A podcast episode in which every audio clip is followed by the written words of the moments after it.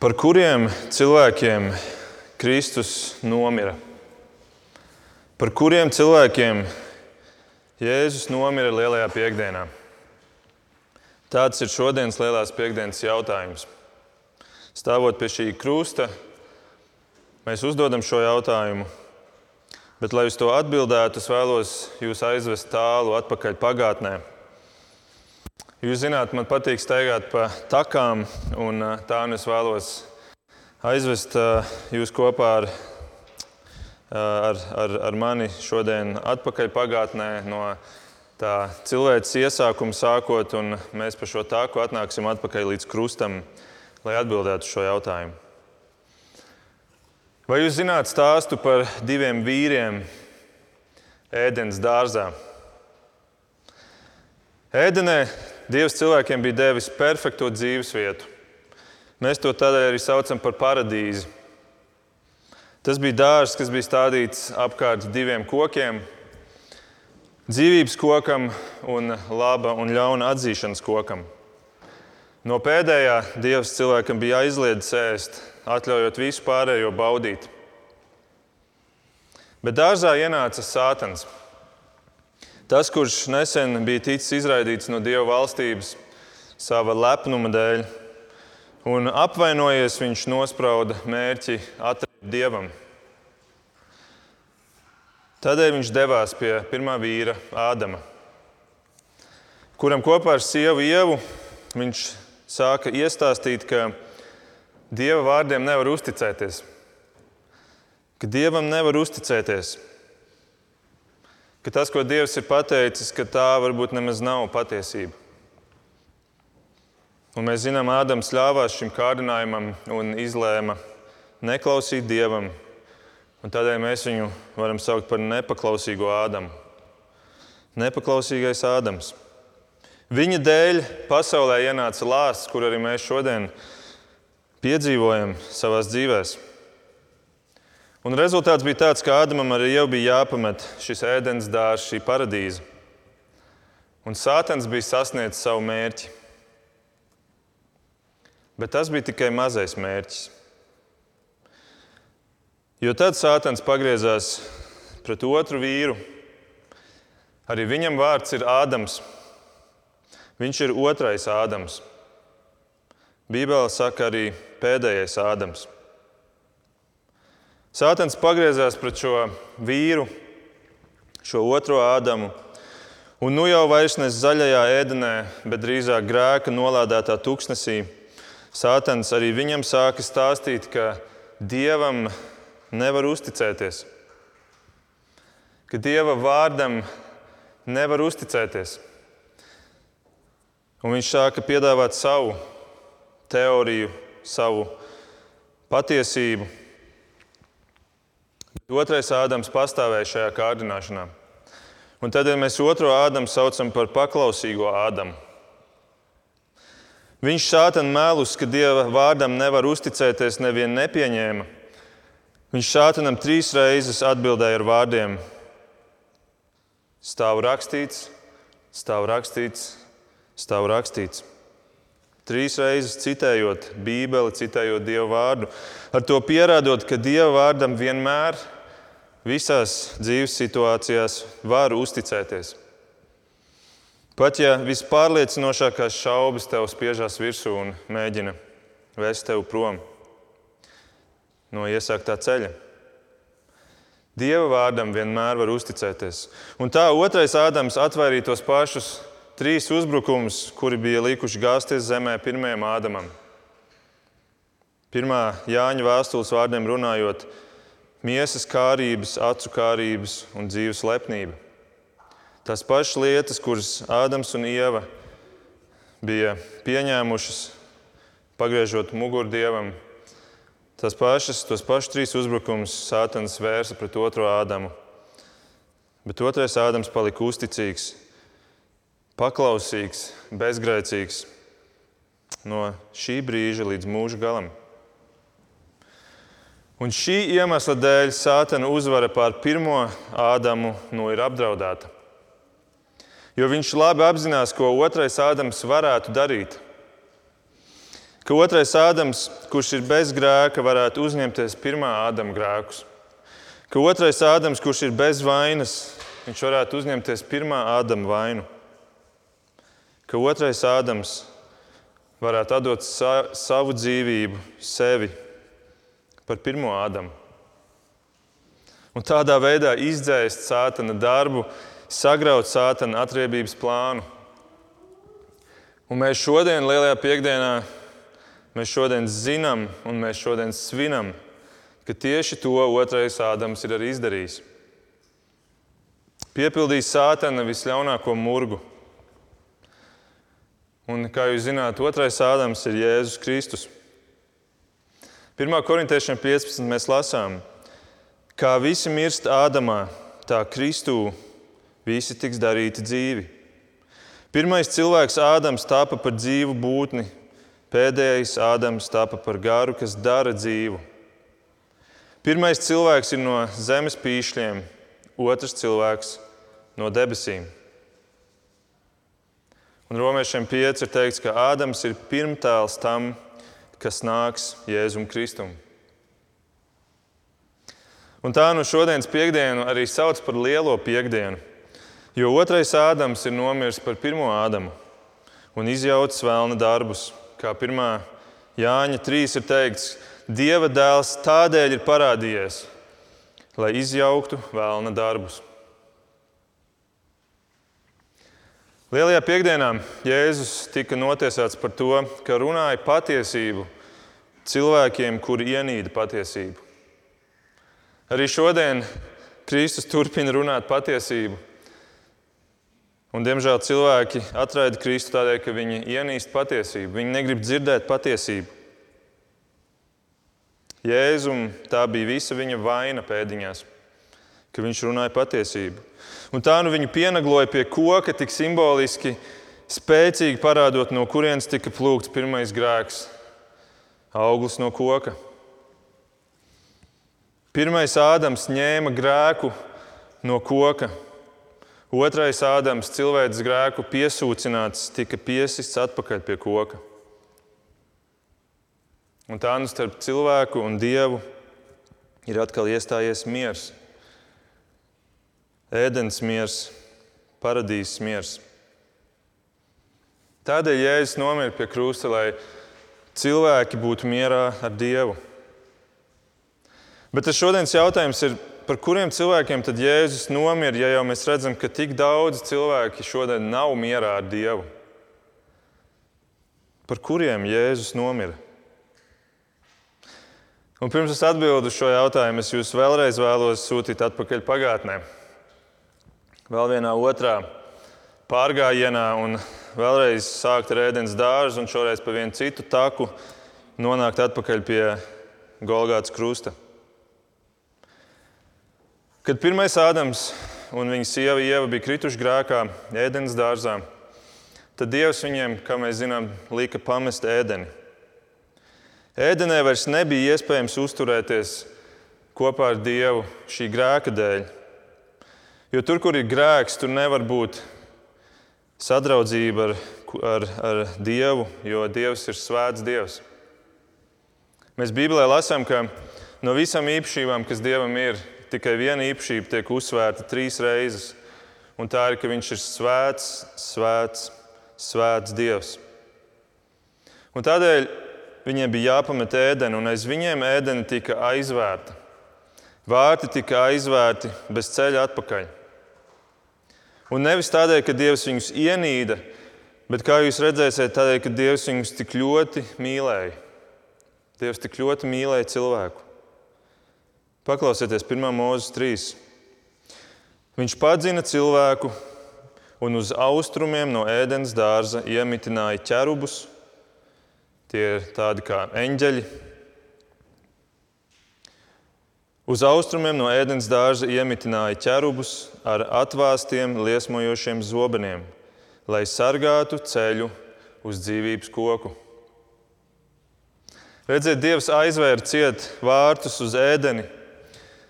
Cilvēkam padarīja to nepieejamu. Nevis tādēļ, ka ienīda cilvēku, bet tādēļ, ka tik ļoti mīlēja cilvēku, jo ēdenē atradās dzīvības koks, no kura ēdot cilvēks dzīvot mūžīgi. Un ja Ādams un Ieva ēstu no šī koka, viņu paliktu, viņi paliktu grēkā mūžīgi. Tādēļ Dievs liek apsargāt šo dārzu. Un Dievs sāka atklāt uzreiz pēc tam savu ceļu uz glābšanu, atpakaļ mierā pie Viņa. Šo glābšanas plānu cilvēkam. Un tāpēc mēs jau mācījāmies arī pēdējās nedēļas, ka viņš caur Ābrahāmu izradz vienu tautu, caur kuru viņš virzīs, īstenos šo plānu, caur kuru viņš dos tos, atklās tos dieva likumus cilvēkiem. Un viņš arī dos vietu, kurā pielūgt Dievu, kurā nākt vismaz Dieva tuvumā un lūgt viņam atdošanu un meklēt ceļu atpakaļ pie viņa. Un tāpēc Dievs deva sajiešanas telti. Tā bija telts, kurā cilvēki nāca nožēlot savus grēkus. Un, ziniet, tad, kad viņi būvēja šo sajiešanas telti, tad viņiem tika norādīts, ka ieejai ir jābūt vērstai pret austrumiem. Kādēļ? Tādēļ, ka uz austrumiem no ēdienas dārza tika iemitināti šie ķerubi. Sajiešanas telts bija kā simbols ceļam atpakaļ uz ēdeni. Cilvēki no austrumiem nāca iekšā un devās pretī rietumiem, kura bija tā vieta, kur stāvēja dzīvības koks, kur vieta, kurā mājo Dievs. Sajiešanas teltī telts sastāvēja no divām telpām. Bija pirmā telpa, kas bija svētā vieta, kura tev parādīja, ka tu no ārējās pasaules ienāc šajā dieva telpā. Bet tad bija otra telpa, kas ir tā visvētākā, un tā simbolizēja to dieva klātbūtni. Vēl vairāk Dievs teica, ka viņš mājos šajā vietā. Visvētākā vieta bija tur, kur Dievs bija sastopams. Un tas bija tas simbols, tā ir tā ēdene, uz kuru cilvēks meklē savu ceļu atpakaļ. Arī šodien, tu un es, mēs katrs meklējam kaut kur atpakaļ to ceļu uz tādu mieru kopā ar to, kurš mūs ir radījis. Mēs varbūt to neapzināmies. Mēs meklējam dažādās vietās, dažādos veidos, bet tas ir tas, kas ir cilvēkā ielikts dziļi iekšā - ceļš atpakaļ uz ēdeni. Un tad, kad vēlāk sajiešanas telts tika aizstāta ar Salamana templi, Arī templis tika celts pretī austrumiem. Ieja bija austrumos, un ceļš līdz visvētākajai telpai veda uz rietumiem. Šo templi cēlē pēc tiem pašiem principiem vērstu pret austrumiem, kā ceļu atpakaļ uz ēdeni. Starp citu, es tā iedomājos paskatīties kartē. Arī mūsu vīlēns baznīca ir celta ar ieeju pret austrumiem. Un, eh, un viņa ved uz šejienu, un mēs redzam, mums priekšā stāv krusts. Bet um, Salamana templis tika tieši tā celts ar ieeju uz austrumiem. Un tad pirms šīs visvētākās vietas šajā templī bija liels priekškars, kurš nošķīra šo visvētāko vietu. Un uz šī lielā priekškara bija uzdrukāti divi ķerubi, kas bija simbols, kad viņi tie, kur sargā šo ēdeni, šo visvētāko vietu, kurā mājo Dievs. Un vēlāk, kad pirmais templis bija nograuts, tika uzcelts otrs templis, kuru vēlāk nosauc par Heroda templi. Un arī šis templis stāvēja tieši tāpat vērsts pret austrumiem, kā simbols ceļam atpakaļ pie Dieva, atpakaļ uz ēdeni atpakaļ pie Dieva, un, un tas bija tas, ap ko grozījās visa jūdu tautas dzīve, meklēt ceļu atpakaļ pie Dieva. Un cik tu svētīgs cilvēks esi, ja tu spēj to atrast, ja tu spēj nonākt tur atpakaļ šajā vietā, kurā ir Dievs, kurā ir tavs radītājs. Dievs atļauj cilvēkam ienākt šajā visvētākajā templī, šajā visvētākajā vietā, templī, Bet viņš to atļauj tikai vienreiz gadā un tikai vienam cilvēkam. Tā vienreiz gadā bija svētki, kurus jūdzi sauc par Jomkipūru, kas ir izpirkšanas diena. Visas tautas grēku izpirkšanas diena. Tajā dienā drīkstēja vienu reizi ienākt viens cilvēks šajā visvētākajā vietā. Un tas viens cilvēks bija augstais priesteris. No visiem kalpotājiem tas, tas vadītājs. Un viņam bija jāienāk šajā telpā, un viņš aizdedzināja vīrāku, un viņam bija jā, jā, jāšļāts asins virsū šajā telpā, kā simbols tam, ka viņš, viņa grēki un viņas tautas, tautas grēki tiek nomazgāti. Un ja šis cilvēks nāktu iekšā pats nenokārtojis, nenožēlojis savus grēkus, tad viņš nokristu tur miris Dieva klātbūtnē. Un tāpēc jūda literatūra liecina, ka ap kāju šim augstiem priesterim tika apsieta virve, lai tajā brīdī, kad, kad mēs saprotam, ka šis augstais priesteris ir nokritis miris, lai viņi varētu izvilkt ārā, jo neviens cits tur nedrīkstēja iet iekšā. Un tāpat priesteriem, tērpiem tika piekarināti zvaniņi, lai mēs dzirdētu, vai viņš joprojām kustās. Redziet, tik nesadarīgs ir grēks ar Dievu. Un to mēs redzam viscauri sajiešanas teltī un tempļiem. Tā bija visvētākā vieta templī. Un tik liela bijība arī jūdiem bija pret templi, ka viņi to bija nolikuši kā šo ceļu atpakaļ uz ēdeni. Šis templis bija tā vieta, kur es varu atrast Dievu. Un tad paklausieties Jēzus vārdus īsi pirms viņa nāves. Viņš saka tā: sagraujiet šo templi, un trijās dienās es to atkal uzcelšu. Un tad jūdzi viņam saka, šis templis ir būvēts 46 gadus, un tu uzcelsi to trijās dienās. Un tad Bībelē saka, bet Jēzus bija runājis par sava ķermeņa templi. Un te mēs redzam to, ka nāk tāda jauna ēra, aust jauna ēra, kurā pēc sajiešanas telts, pēc Salamana tempļa, pēc Heroda tempļa, kas visi bija vērsti uz tiem austrumiem, kā ceļš atpakaļ uz ēdeni, nāk jauns templis, pēdējais templis, un tas ir Jēzus templis. Tā ir Jēzus miesa. Jēzus ir šis meklētais ceļš atpakaļ uz ēdeni. Tādēļ Jēzus nāves brīdī tempļa priekškars pārplīs uz pusēm. Tas bija ap 9 metru augsts, vairāk kā 9 metru augsts. Viņš bija biezs, viņš bija ļoti smags. Jūda tradīcija saka, ka pa divi, ja viņi piesiet pie diviem zirgiem un viņi nespētu viņu pārplēst uz pusēm. Bet šis priekškars pārplīst uz pusēm, un vēl pēc tam Bībelē saka, no augšas līdz lejai. Ar to apliecinot, ka Dievs ir devis ļoti skaidru vēsti, ka tagad šī vieta tiek atvērta. Kristus atver šo vietu un dara mums pieejamu. Tādēļ mums šodien šeit nav tādas vienas telpas, bet mums ir krusts, kurš atgādina par to, kas ir tas ceļš atpakaļ uz ēdeni. Ebrejiem desmit ir teikts, tā ka nu mums, brāļi, Jēzus asinīs ir droša pieeja svētnīcai. Svētnīca ir šī svētā vieta, svētā telpa. Caur Jēzus asinīm, Jēzus savas asins uzšļāts virsū un, un caur šām, šīm, savām asinīm padara šo vietu pieejamu mums visiem.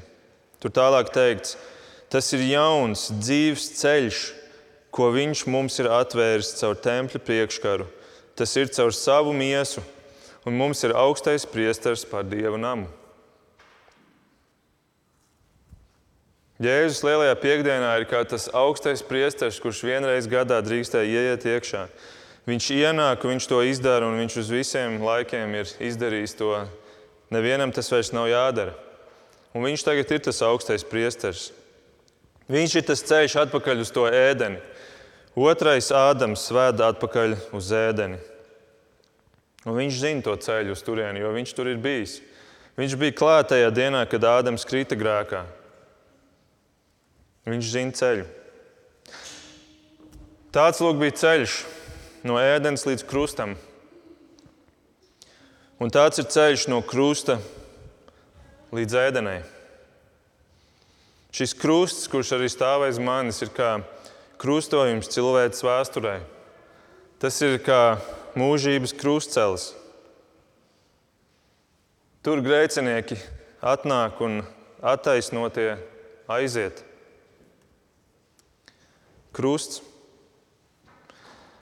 Manai mājai nesen tika veikti kādi, kādi būvdarbi, un tos veica meistari. Viens no šiem meistariem, viņš arī nāk uz Vīlandu, arī šodien ir pie mums. Viņš ļoti gudrs vīrs. Ne tikai tādēļ, ka viņš nāk uz Vīlandu, viņš ir gudrs vīrs, bet tādēļ, ka viņš pateica kādu ļoti, ļoti dziļu teikumu. Es nezinu, vai viņš pats to apzinās. Bet es viņam lūdzu padomu par, par mūsu dārza tādu mājiņu, kuru es biju uzcēlis. Un, uh, tagad lielajos sniegos bija iebrucis jumts. Tas jumts bija tāds caurspīdīgs un nebija ļoti stabils. Un, uh, viņš bija iebrucis, un es viņam prasīju padomu. Un man bija kāda ideja, kā varētu šo lietu risināt, bet viņš man ieteica labāku domu. Un viņš to pateica tā, viņš teica, nav nekā spēcīgāka par krustu Nav nekā spēcīgāka par krustu. Viņš ieteica jumtu likt uz krusta konstrukcijas. Un kā gan es kā sludinātājs varētu viņam nepiekrist? Ne? O, jā, nav nekā spēcīgāka par krustu. Sajiešanas telts tika nojaukta, Salamana templis tika nodedzināts, Heroda templis tika iznīcināts, bet šis jaunais Kristus templis nesabruks tādēļ, ka viņš ir celts uz krusta. Viņš nesabruks. Un neviena cilvēka nams, kas ir celts uz šī krusta, uz šīs krusta konstrukcijas, nesabruks. Nav nekā spēcīgāka par krustu. Katrs, kuram šī piekdiena ir liela, katrs, kuram šī piekdiena ir liela, kurš savu dzīves namu ceļu šīs lielās piekdienas krusta, tā nams nesabruks. Krusta spēks mainīs visu, un mēs redzam, pagātnē tas ir mainījis pasauli. Padomājiet, Roma piesita Jēzu tajā dienā pie krusta. Tie bija romieši, mēs lasījām, ievadā tas bija Pilārs, kurš beigās deva savu zaļo gaismu. Un tikai 300 gadus vēlāk visa Roma pieņem kristietību kā savu galveno reliģiju. Tik liels spēks, ko Roma izdarīja ar vāru, ar ļaunumu pret Kristu, to Kristus bez varas, caur šo lielo mīlestību, caur šo milzīgo spēku, ir ietekmējis un pārvērtis Romu. Kas darīts ar ļaunumu, to krustu pārvērš mīlestībā.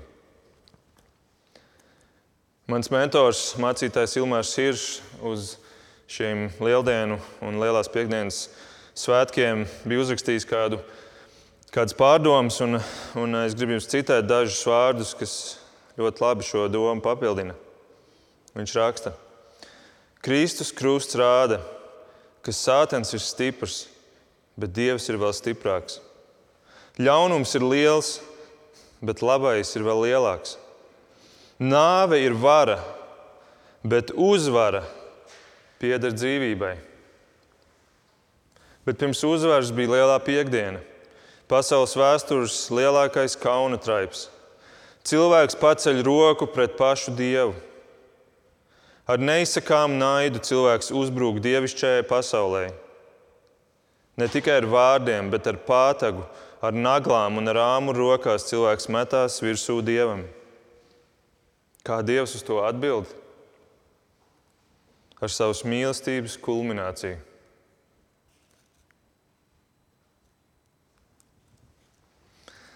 Krusts ir Dieva mīlestības kulminācija. Jēzus pie krusta izpērk nolādētos cilvēkus un ved sev līdzi atpakaļ uz ēdeni. Tur pie dzīvības koka un redzēt, un tagad, tagad, tagad viņi drīkst ēst no šī koka. Tagad vairs ķerubiem nav jāsargā šī vieta. Redzēt, kāda mīlestība, redzēt, Tā ir mīlestība. Dievs tā pasauli mīlēja, ka Viņš deva savu vienpiedzimušo dēlu, lai ik viens, kas viņam tic, nepazust, bet tam būtu mūžīgā dzīvība. Mūžīgā dzīvība, nevis mūžīgs grēks stāvoklis. Tā ir tā daļa no tās milzīgās mīlestības, ka Dievs ir pasargājis no tā, ka aizejot uz ēdeni, meklējot to, ko cilvēks vēlās pats sev, ka viņš grēka stāvoklī ēst no dzīvības koka un mūžam būtu nolādēts. Dievs no tā pasargā. Dievs sūta savu dēlu, lai tiktu atbrīvots cilvēks, lai tiktu mazgāts no grēka, lai tiktu attīrīts, un tad viņš viņam ļauj ēst no dzīvības koka. Vai redzat šo mīlestību?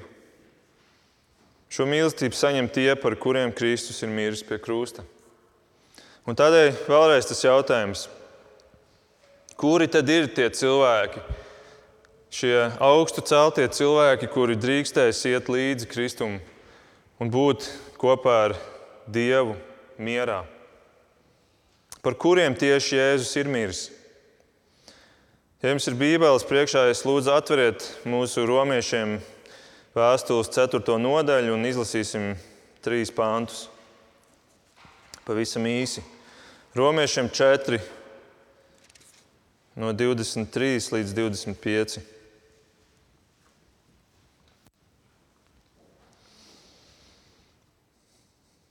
Romiešiem 4, no 23. Bet ne jau tikai viņa, Ābrahāma, ne jau tikai viņa dēļ ir rakstīts, ka tas viņam ir pieskaitīts par taisnību.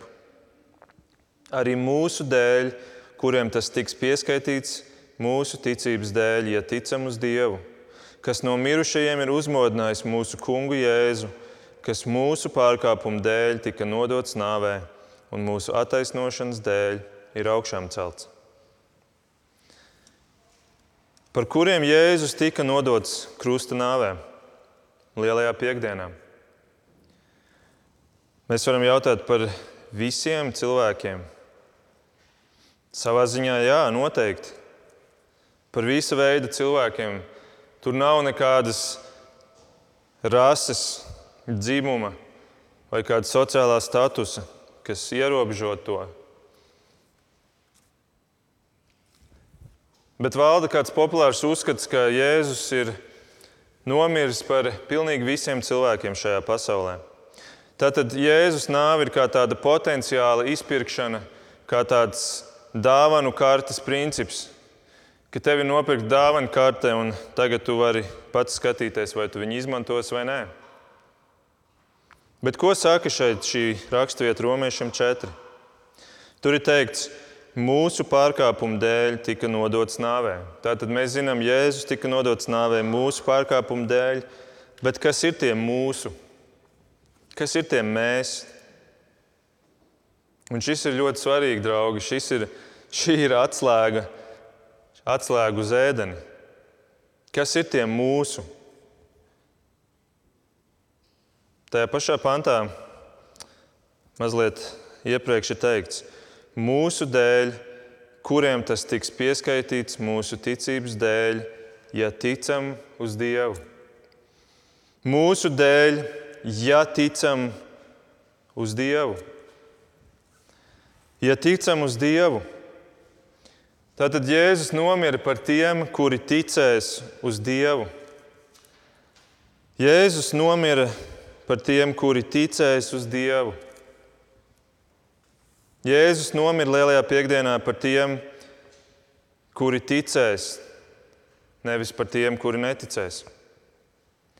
Tas nav otrādi, ka Jēzus nomira par visiem, un tad daži no viņiem ticēs. Jēzus nomira par tiem, kuri ticēs. Un ko tas nozīmē? Tas nozīmē, ka Jēzus nāve nav potenciāli izpirkšana, tā ir faktiska izpirkšana. Jēzus tiešām ir samaksājis par katru vienu cilvēku, kurš ticēs. Viņš nav izlējis nevienu asins pilienu lieki. Neviena asins pile, kuru viņš ir izlējis, neizrādīsies lieka. Viņš ir izpircis katru cilvēku, kurš ticēs. Aiz katra golgātā izpirktā cilvēka stāv vārds. Konkrēts cilvēks. Un apakstuļu darbiem 20 viņi tiek nosaukti, viņi tiek saukti par draugu, Tur ir teikts, Dieva draugi, ko viņš ir iemantojis ar savām asinīm. Kāpēc tas ir svarīgi? Tāpēc, ka Jēzus nāve nav kaut kāda potenciāla nāve, izpirkšana potenciāla, kur viņš it kā nopērk avansā kaut kādu dāvanu karti, un tad tu pats tagad izvēlies. Ja tā būtu, tad mēs nevarētu būt droši, ka Jēzus nāvei tiešām ir glābjošais spēks. Viņš tev nedod dāvanu karti. Viņš tev nopērk mūžīgo dzīvību un to dod tev. Tas ir faktisks pirkums, nevis potenciāls. Citādi tādā gadījumā būtu Jēzus vienreiz jau samaksājis par visiem cilvēkiem šajā pasaulē, par visiem neticīgiem. Un tad, ja viņi tiek notiesāti, tad Dievs viņu tiesā otro reizi. Dievs prasa samaksu otro reizi. Un tad Dievs būtu netaisns Dievs, bet Dievs nav netaisns. Dievs ir taisns tiesnesis. Un Dievs ir suverēns Dievs, Viņš panāk to, ko Viņš ir nospraudis. Iesaijas grāmatā 46. nodaļā mēs lasām, viņš saka, es jau sākumā teicu, kas notiks beigās. Jau kopš senlaikiem to, kas vēl nav darīts. Es teicu, mans nodoms piepildīsies, un visu, ko es gribu, es darīšu. Tāds ir Dievs. Ja Viņš ir izlēmis izpirkt cilvēkus lielajā piekdienā, tad Viņš to arī izdara. Viņš izpērk viņus, un viņi ir izpirkti. Viņš simtprocentīgi panāk to, ko Viņš ir vēlējies, jo Viņš ir suverēns Dievs. Un tā nu mēs varam teikt, Viņš lielajā piekdienā nomirst par saviem izredzētajiem kuri, kā Efeziešiem viens ir teikts, kur ir izredzēti Kristu pirms pasaules radīšanas. Un mēs varētu teikt, bet kur ir mūsu loma tajā visā? Mūsu loma ir tajā, ka Bībele māca, ka Dievs arī prasa atbildību no katra no mums. Mēs nezinām nākotni. Mēs nezinām, kuri ir tie, kuri ticēs Kristum. Bet mēs zinām, ka tie, kuri ticēs Kristum, ir tie, par kuriem viņš ir nomiris. Un viņš Bībelē aicina nākt, viņš saka, nāc, kam slāpst, lai nāk, lai ņem dzīvo ūdeni bez maksas katrs, kas grib. Ja tu šodien dzirdi šos vārdus, tas nozīmē, ka tu esi dzīves un tev ir iespēja šo lēmumu pieņemt savā dzīvē. Cik daudz cilvēki ir vairs bez šīs iespējas šo lielās piekdienas izvēli izdarīt. Kaut viņi varētu atgriezties, viņi šodien saka sev. Bet tev ir šī iespēja. Un šī dieva izredzēšana un šī mūsu izvēle, tas ir tas lielais Bībeles paradoks, tas lielais, lielās piekdienas paradoks. Bet tas ir tas pilnais evaņģēlijs, ka Dievs ir izdarījis savu darbu, un Viņš viņu izdarīs efektīvi, Viņš viņu izdarīs kā faktisku izpirkumu. Un šodien tu vari sev uzdot šo jautājumu, vai es esmu viens no tiem, vai Kristus ir šodien nomiris par mani. Ja tu vēl neesi mierā ar Dievu, tad nāc šodien pie Kristus, nožēlo savus grēkus. Grēks ir tas, kas tev šķir no Dieva. Un, ja tev grēks ir tāds tukšs vārds, tu saki grēks, bet man tas neko nenozīmē kas vispār ir grēks. Es neko nejūtu, dzirdot šo vārdu. Tad ej pie Bībeles, lasi par to, kāds ir Dievs, cik svēts ir Dievs. Lasi par Dieva pilnību, ieraugi viņa pilnību, ieraugi viņa augstos standartus, kurus tu nespēsi piepildīt.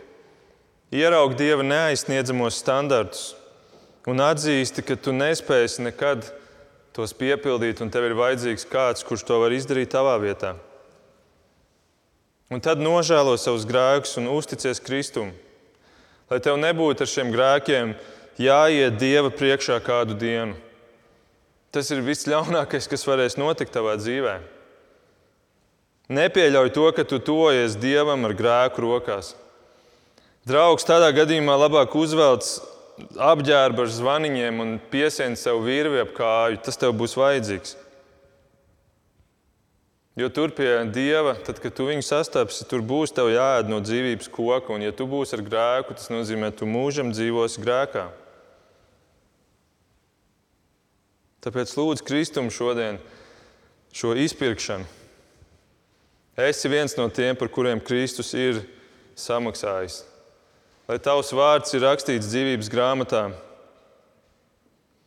Bet, ja tu esi šodien jau izredzēto starpā un tu zini, ka Kristus ir tevi izpircis, tu zini, ka Viņš ir tevi mazgājis no grēka, tu zini, ka tu esi Dieva bērns un tu dzīvo mierā ar Dievu, tad tev šī lielā piekdiena tiešām ir liela. Jo tu lasi romiešiem astoņi. Kā tad viņš, kas savu pašu dēlu nav audzējis, bet devis viņu par mums visiem, līdz ar viņu nedāvās mums visas lietas? Tev caur Kristus nāvi nav dota tikai mūžīgā dzīvība nākamajā dzīvē. Bet šeit mēs lasām, tev ir dotas visas lietas. Tev ir dots viss, viss, kas tev ir vajadzīgs. Tev ir dota ne tikai atbrīvošana no grēka, tev ir dota atbrīvošana no vainas sajūtas. Tev ir dota atbrīvošana no bailēm. Tev ir dota atbrīvošana no neziņas. Un tev varbūt reizēm šķiet, ka es to nejūtu. Man, man tā nešķiet, ka es esmu brīvs no neziņas, no bailēm. Tad neaizmirstiet vārdus, kas ir teikti arī romiešiem astoņiem, tiem, kas Dievu mīl un kas pēc viņa iepriekšējā nodoma ir aicināti. Ja mēs varam teikt, izpirkt pie krusta, viss nāk par labu. Redzi, tev viss nāks par labu šajā dzīvē. Tev tikai jāuzticas savam dievam, Tev ir jādara tas, ko darīja otrais Ādams, kurš uzticējās Dieva vārdam, nevis sekot pirmā Ādama pēdās. Tev ir jāuzticas, ka pat slimība, pat materiāli izaicinājumi, pat jebkuras citas ciešanas tev būs beigās uz labu. Tādēļ, ka tu esi Dieva rokās un Kristus ir tevi izpircis.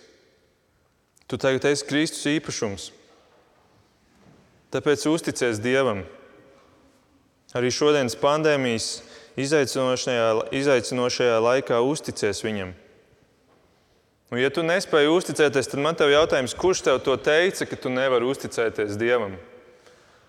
Kurš tev to teica? Vai tik ne tas pats, kurš runāja to dienu ar pirmo Ādamu? Dievs ir uzticams. Un viņš ir uzticams arī tādēļ, ka viņš ir klātesošs un viņš vienmēr būs kopā ar tevi jo tu tagad dzīvo mūžīgo dzīvību. Un šajā mūžīgajā dzīvībā arī klāt ir Kristus mūžīgi ar tevi. Un es vēlos noslēgt ar šiem Jēzus vārdiem. Patiesi, patiesi es jums saku, kas manus vārdus dzird un tic viņam, kas man ir sūtījis, tam ir mūžīgā dzīvība. Tam ir mūžīgā dzīvība. Un tas nenāk tiesā, bet no nāves ir pārgājis dzīvībā. Mīļais kungs, paldies par šo lielo dienu. Kā tas ir iespējams, ka tu, kurš esi radījis mūs un kuri mēs esam tev pagriezuši muguru, spļāvuši tev sejā, sekojuši savām kārībām, sekojuši tam, kurš ir melu tēvs dzīvojuši sev, aizgājuši prom no tavas klātbūtnes, nepaklausījuši tev. Kāds var būt, ka tu nāc mums pakaļ un tu vēl pēc tam nodrošini, ka mēs neizdarām sev mūžīgu galu, tu sargā mūs. Un tu tik daudz iegūli, tu dod savu dēlu, tu ved viņu nāvē, tu uzņemies cilvēku miesu, lai tu varētu ciest sāpes. Kāds var būt, kungs? Kāds var būt, kad Dievs mirst par cilvēku? Bet paldies, kungs, ka tieši tā ir tā neticamā mīlestība, ka tā tu esi pasauli mīlējis. Nevis tikai tik ļoti kvantitatīvi, lielā izmērā, bet tādā veidā, tik neticamā, neloģiskā mums veidā. Es lūdzu, kungs, ka katrs, kurš šodien vēl nav mierā ar tevi, kurš meklē savu ceļu atpakaļ uz ēdienu nepareizās vietās, ka viņš varētu šodien sadzirdēt šo vēsti un skatīties uz krustu, būvēt savu dzīves ceļu no šodienas uz krusta. Lūdzu, kungs, atver grēka aizmūrētās sirdis un dod nožēlu. Lūdzu, piedod arī mums.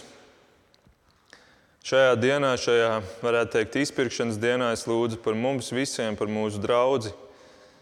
Es lūdzu par mūsu tautu, lūdzu, piedod mums mūsu grēkus.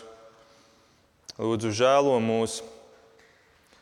Lūdzu, dod mums vēl laiku, lai mēs varam atgriezties pie Tevis. Un paldies, Kristu, ka Tu esi uzticams, Tavs vārds ir uzticams līdz galam. Lai Tev ir gods un slava un pateicība. Amen.